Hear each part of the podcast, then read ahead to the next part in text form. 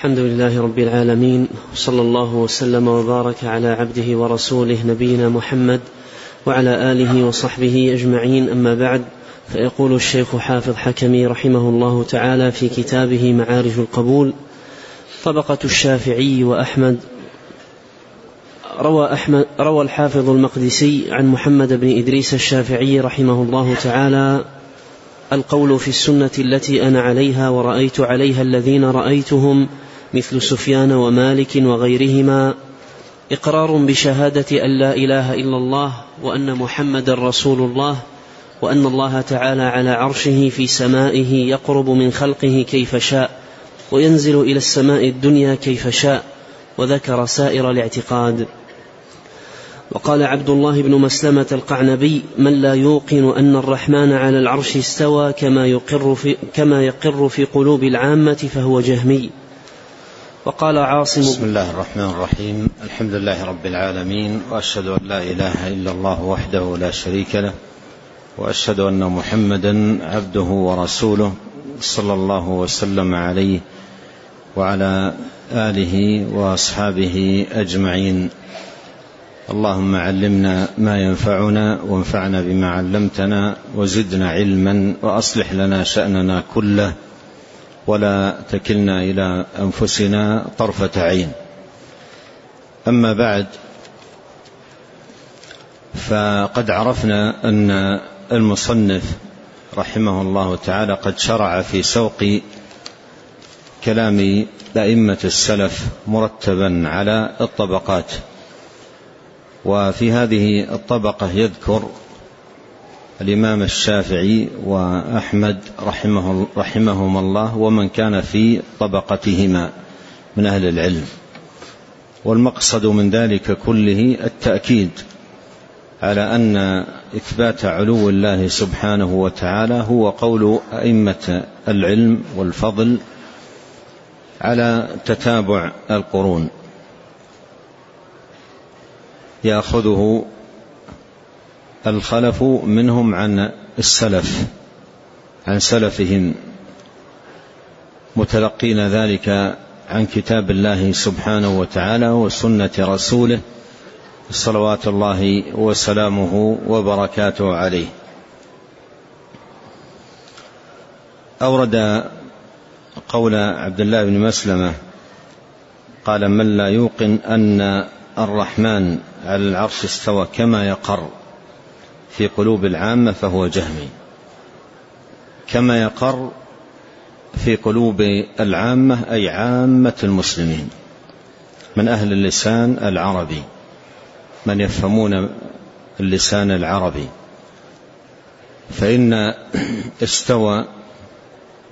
معناها بين واضح استوى أي على وارتفع استوى على العرش أي على وارتفع وهذا بإجماع أهل اللغة وهو الذي يقر في نفوس عامة المسلمين استواء الله على عرشه أي علوه عليه وارتفاعه عليه علوا يليق بجلاله وكماله سبحانه وتعالى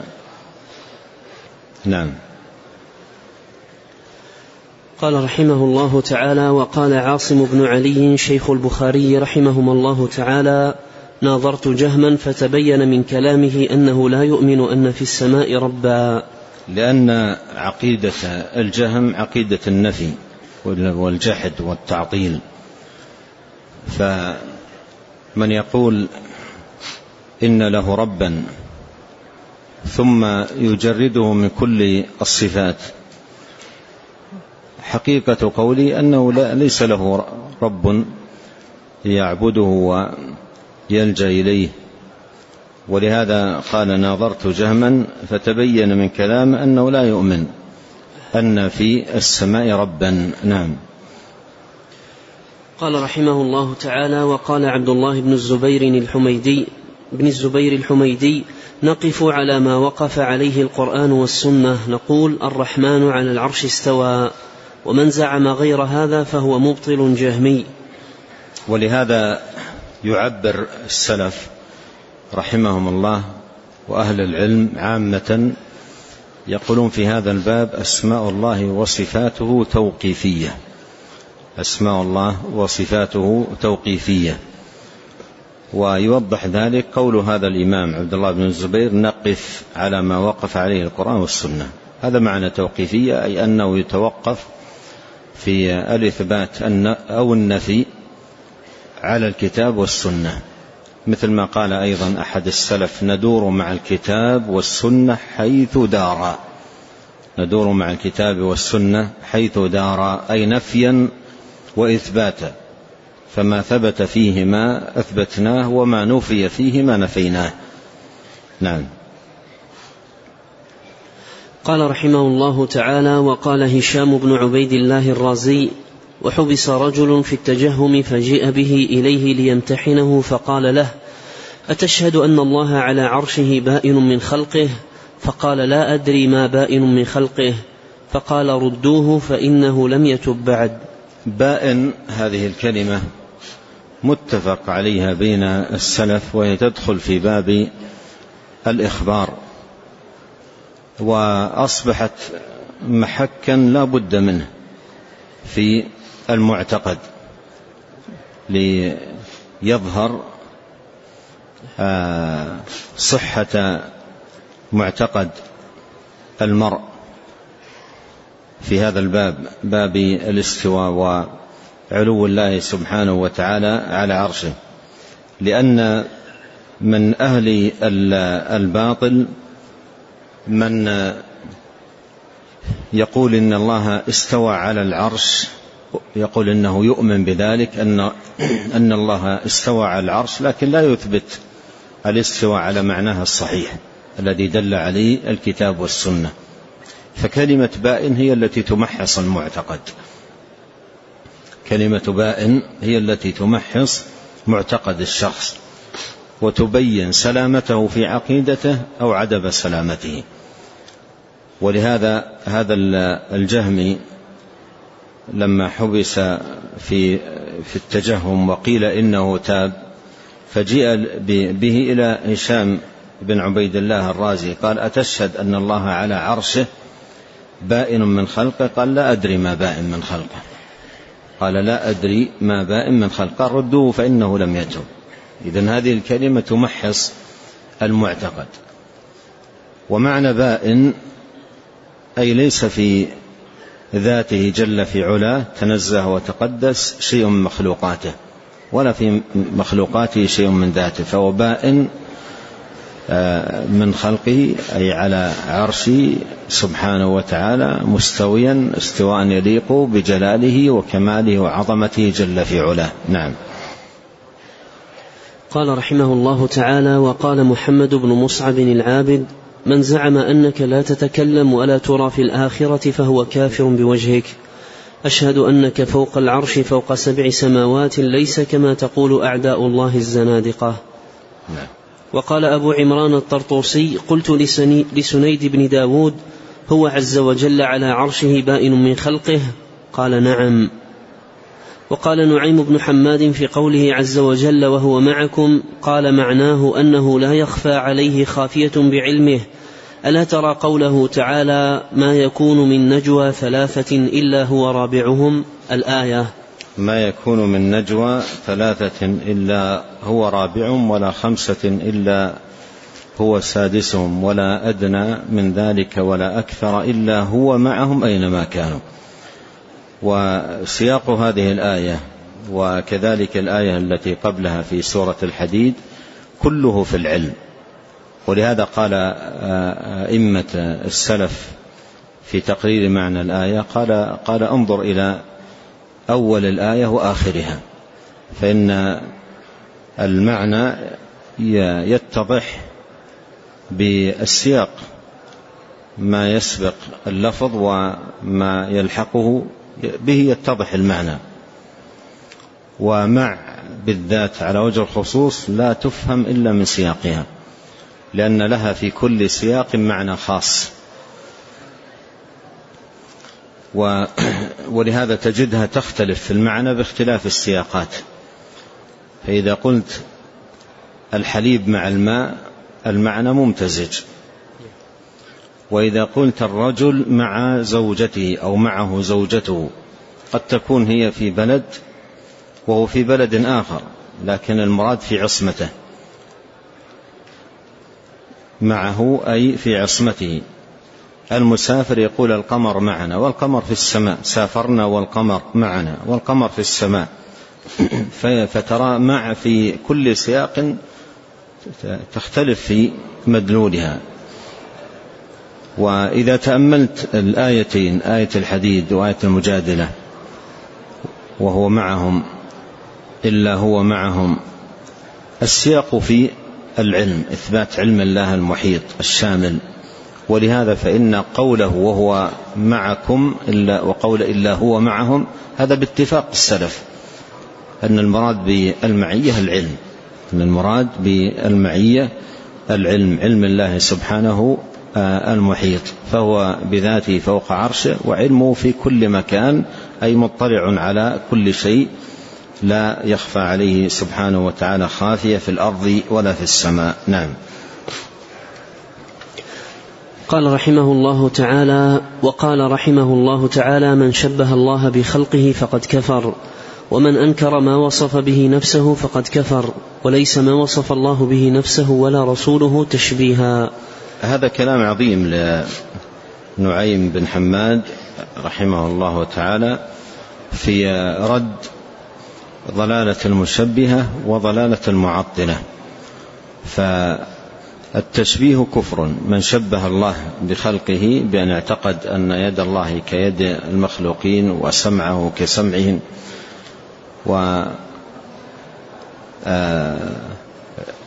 غير ذلك من صفات الله يصفها بأنها مماثلة لصفات المخلوقين فهذا كفر بالله سبحانه وتعالى فمن شبه الله بخلقه فقد كفر من شبه الله بخلقه فقد كفر ومن أنكر ما وصف به نفسه فقد كفر الله يقول وهم يكفرون بالرحمن لما جحدوا هذا الاسم العظيم من أسمائه سبحانه وتعالى فمن جحد آه، شيئا من أسماء الله أو, أو صفاته سبحانه وتعالى فهذا كفر قال وليس ما وصف الله به نفسه ولا رسوله صلى الله عليه وسلم وليس ما وصف الله به نفسه ولا رسوله صلى الله عليه وسلم تشبيها إيه، ليس فيه تشبيه ويدل لما قرره رحمه الله مجتمعا قول الله سبحانه ليس كمثله شيء هو السميع البصير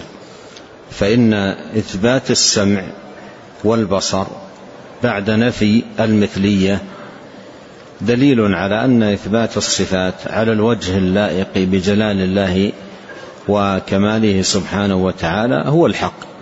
وليس فيه تشبيه نعم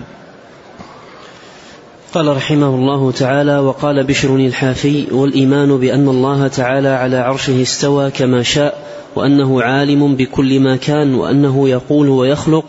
فقوله كن ليس بمخلوق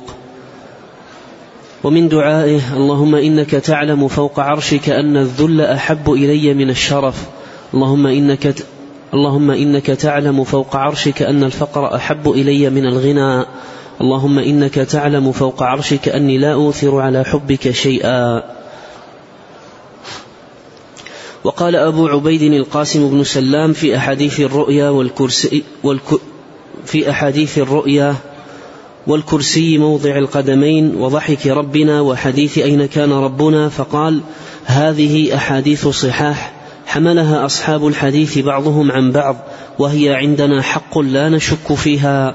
ولكن إذا قيل لنا كيف وضع قدمه وكيف يضحك قلنا لا نفسر هذا ولا سمعنا أحدا يفسره نعم يعني لا نفسر هذا أي لا نخوض فيه لا نفسر هذا أي لا نخوض فيه لا نخوض في الكيفية ومن خاض في الكيفية كيفية أي من صفات الله سبحانه وتعالى فقد قفى ما ليس له به علم وهذا من اعظم المحرمات وقال على الله بلا علم والله يقول وان تقولوا على الله ما لا تعلمون قال عز وجل ولا تقف ما ليس لك به علم ان السمع والبصر والفؤاد كل اولئك كان عنه مسؤولا نعم قال رحمه الله تعالى وقال احمد بن نصر وسئل عن علم الله تعالى فقال علم الله معنا وهو على عرشه كثيرا ما ياتي آه، في النصوص الجمع بين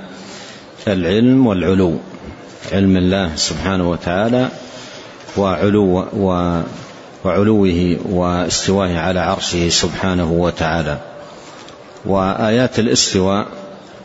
في القرآن جاءت في سبع مواضع من القرآن لو تأملتها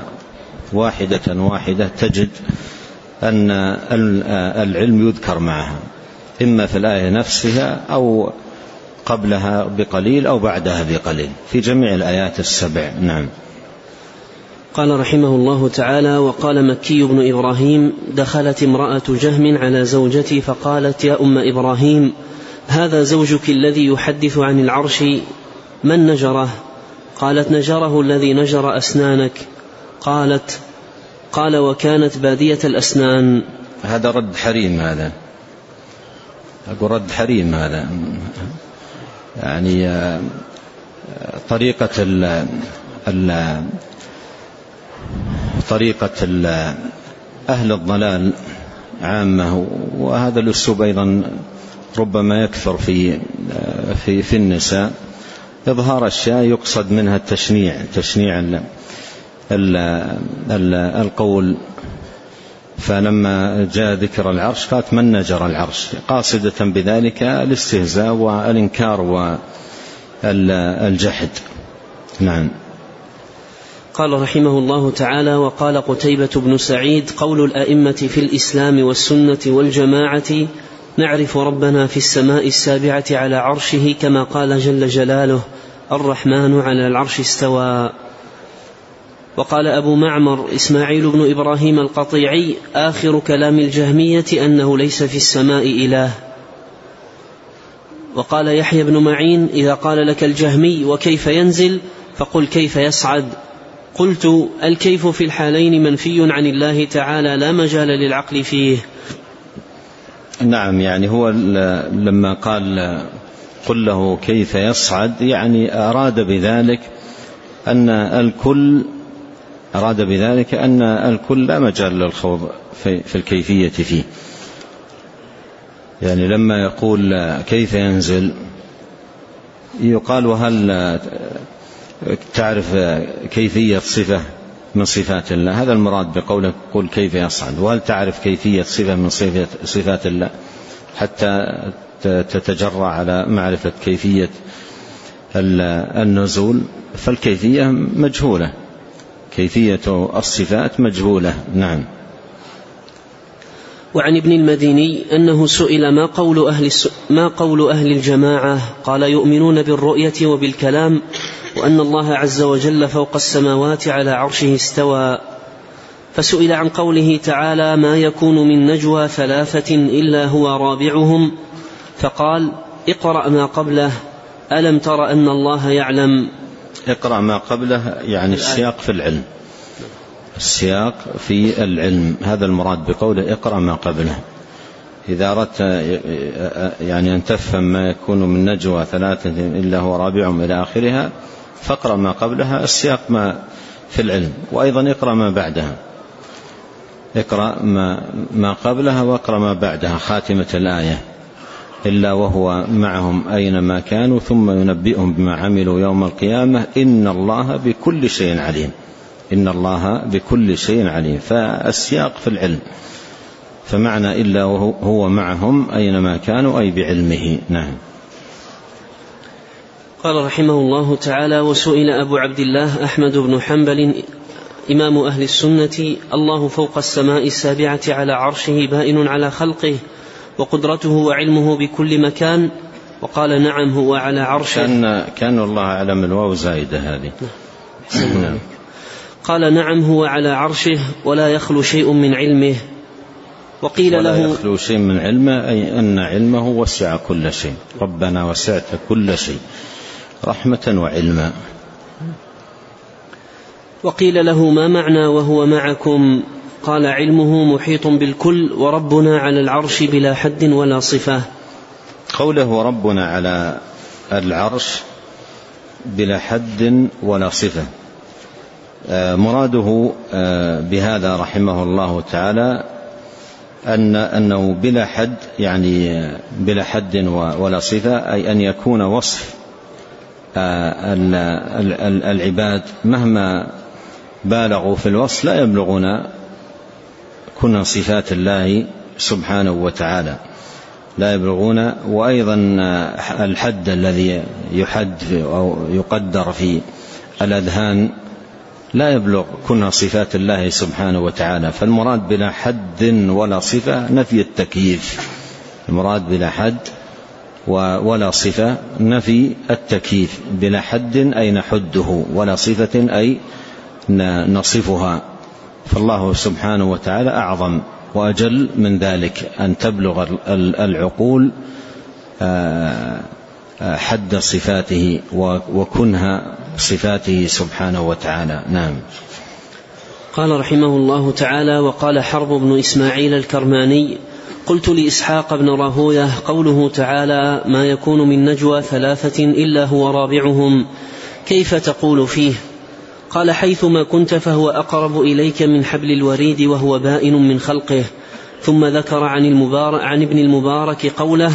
هو على عرشه بائن من خلقه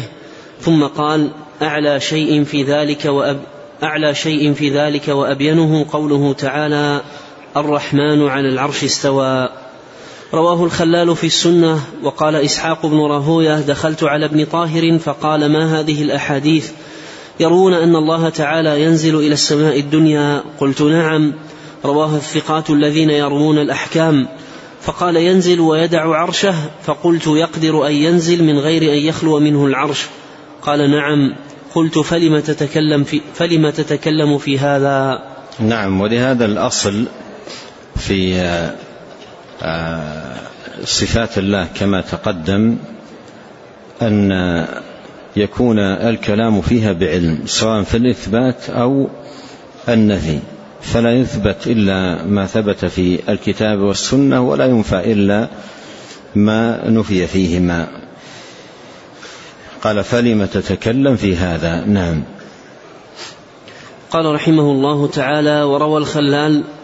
وروى الخلال عنه قال قال الله تعالى الرحمن على العرش استوى اجماع اهل العلم انه فوق العرش استوى ويعلم كل شيء في اسفل الارض السابعه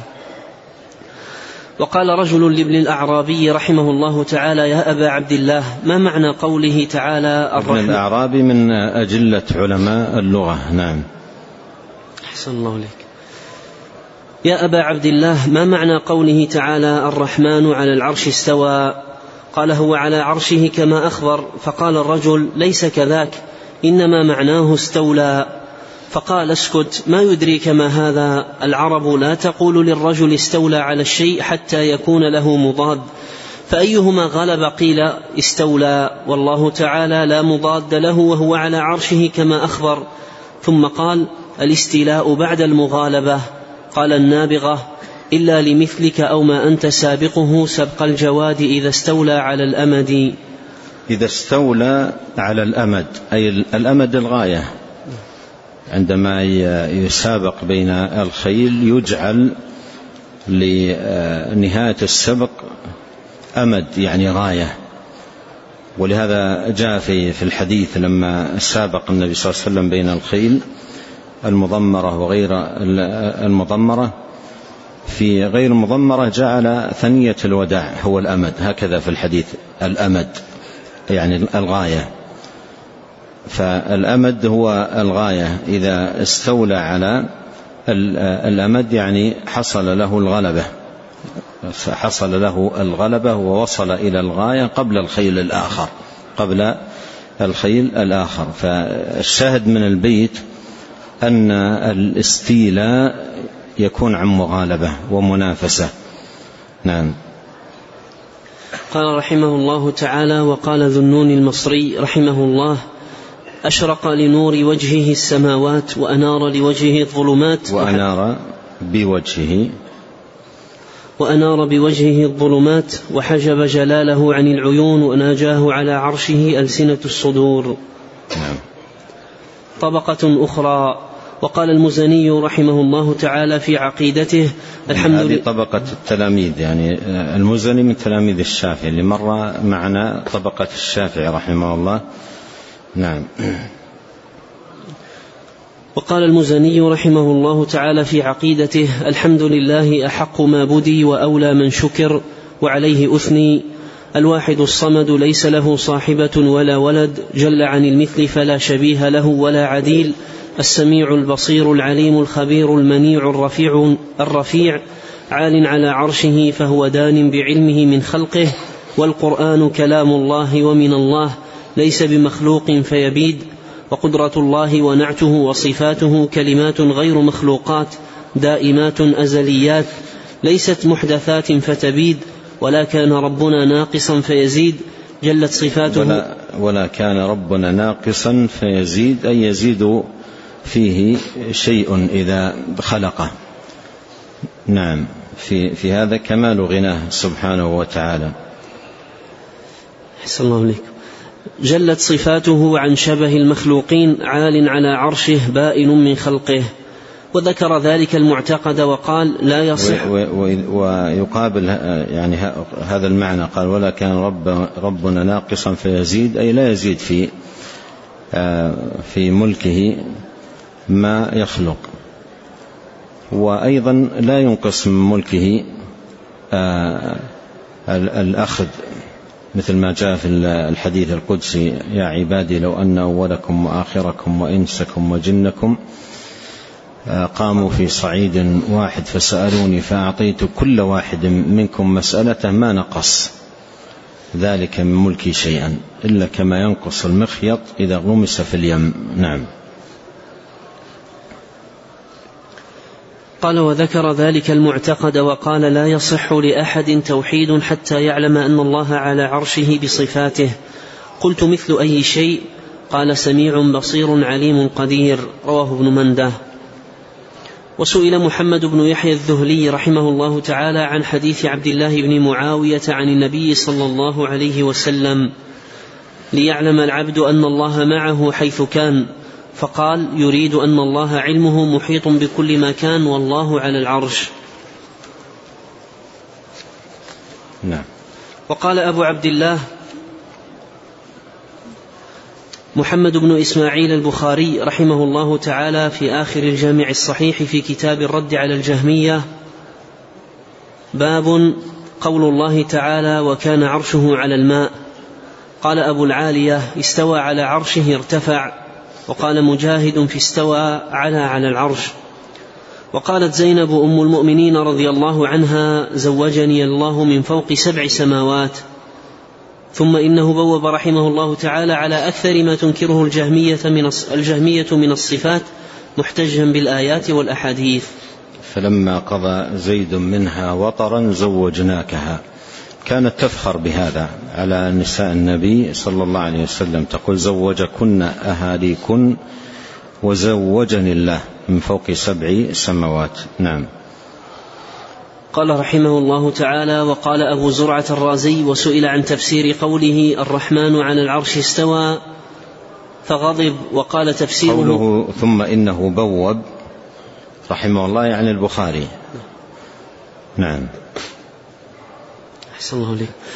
وقال أبو زرعة الرازي وسئل عن تفسير قوله الرحمن على العرش استوى فغضب وقال تفسيره كما تقرأ هو على عرشه وعلمه في كل مكان من قال غير هذا فعليه لعنة الله وقال عبد الرحمن بن أبي حاتم سألت أبي وأبا زرعة رحمهما الله تعالى عن مذهب أهل السنة والجماعة في أصول الدين وما أدرك عليه العلماء في الأمصار حجازا وعراقا ومصرا وشاما ويمنا فكان من مذهبهم أن الله تبارك وتعالى على عرشه بائن من خلقه كما وصف نفسه بلا كيف أحاط بكل شيء علما وقال محمد بن إدريس بن المنذر الحنظلي أبو حاتم الرازي ونعتقد أن الله عز وجل على عرشه بائن من خلقه ليس كمثله شيء وهو السميع البصير رواه أبو القاسم الطبري وقال يحيى بن معاذ الرازي إن الله على العرش بائن من خلقه أحاط بكل شيء علما لا يشذ عن هذه المقالة إلا جهمي يمزج الله بخلقه يمزج يقصد قولهم أن الله في كل مكان نعم تعالى الله عما يقولون رواه أصحاب الف... رواه صاحب الفاروق وعن محمد وإسماعيل الهروي نعم. أحسن الله عليكم وعن محمد بن أسلم الطوسي رحمه الله تعالى قال قال لي عبد الله بن طاهر بلغني أنك لا ترفع رأسك إلى السماء فقلت وهل أرجو الخير إلا ممن هو في السماء رواه الحاكم في ترجمته وقال عبد الوهاب الوراق من زعم أن الله ها هنا فهو جهمي خبيث إن الله عز وجل فوق العرش وعلمه محيط بالدنيا والآخرة ها هنا يشير إلى الأرض نعم قال رحمه الله تعالى وكتب حرب الكرماني إلى عبد الرحمن بن محمد الحنظلي أن الجهمية أعداء الله وهم الذين يزعمون أن القرآن مخلوق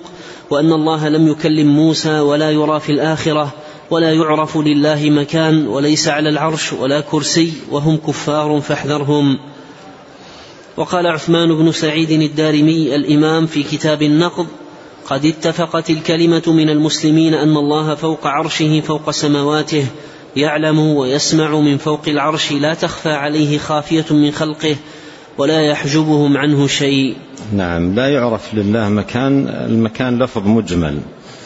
لكن يفسره عند يعني هذا الإمام ما بعده ليس على العرش. نعم. قال أبو محمد بن قتيبة رحمه الله تعالى كيف يسوغ لأحد أن يقول إن الله سبحانه بكل مكان على الحلول فيه مع قوله الرحمن على العرش استوى مع قوله إليه يصعد الكلم الطيب والعمل الصالح يرفعه كيف يصعد إليه شيء وهو معه كيف يصعد إليه شيء هو معه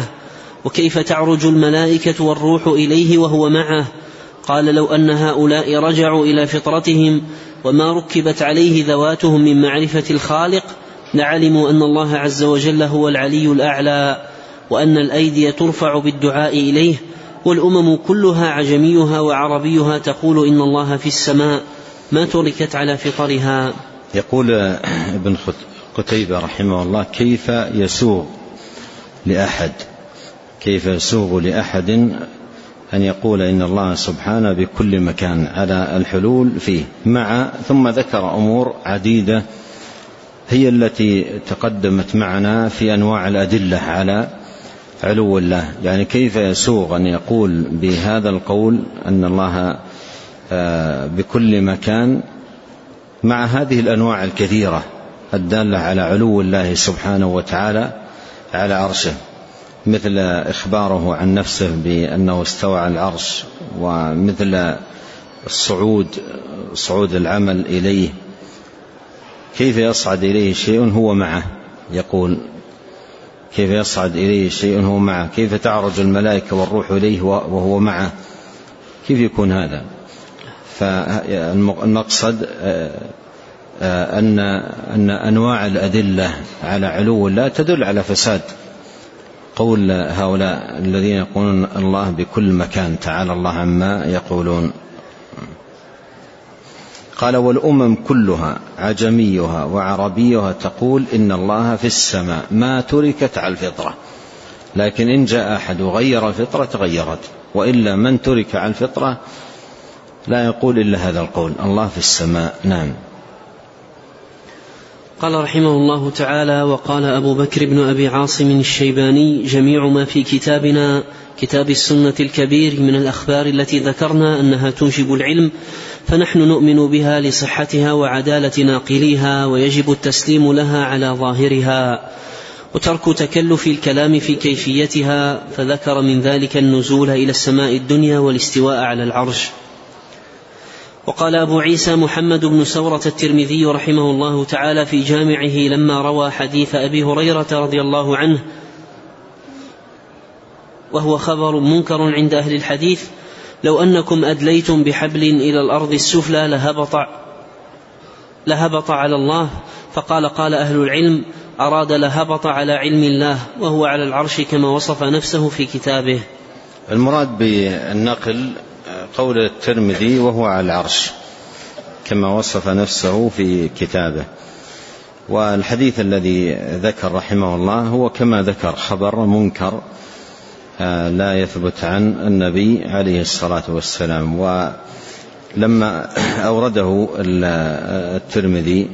قال قال قال اهل العلم اراد لهبط على علم الله والمراد بالعلم هنا اي المعلوم